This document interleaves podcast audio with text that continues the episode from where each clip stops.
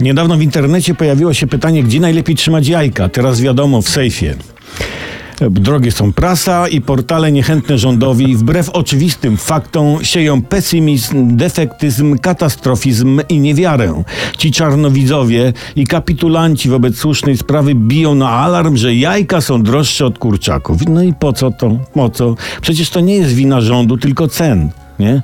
A przede wszystkim wina Unii Europejskiej, która robi sobie jaja z Polski. Wczoraj była taka debata i Parlament Europejski y, wyszło, że mu się nie podobają nasze y, przestrzeganie zasad praworządności i praw podstawowych. I to są to, i, i, i są to europejskie jaja zatrute y, masoństwem, zaprzaństwem, zanieczyszczone pornografią od szczepieństwa. Nikt ich tych unijnych jaj nie chce.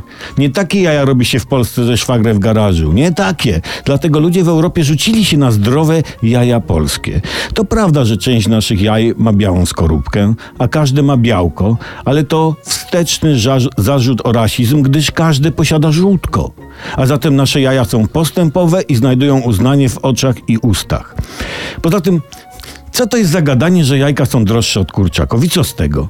Najwyżej teraz to jajka będą znosić kury.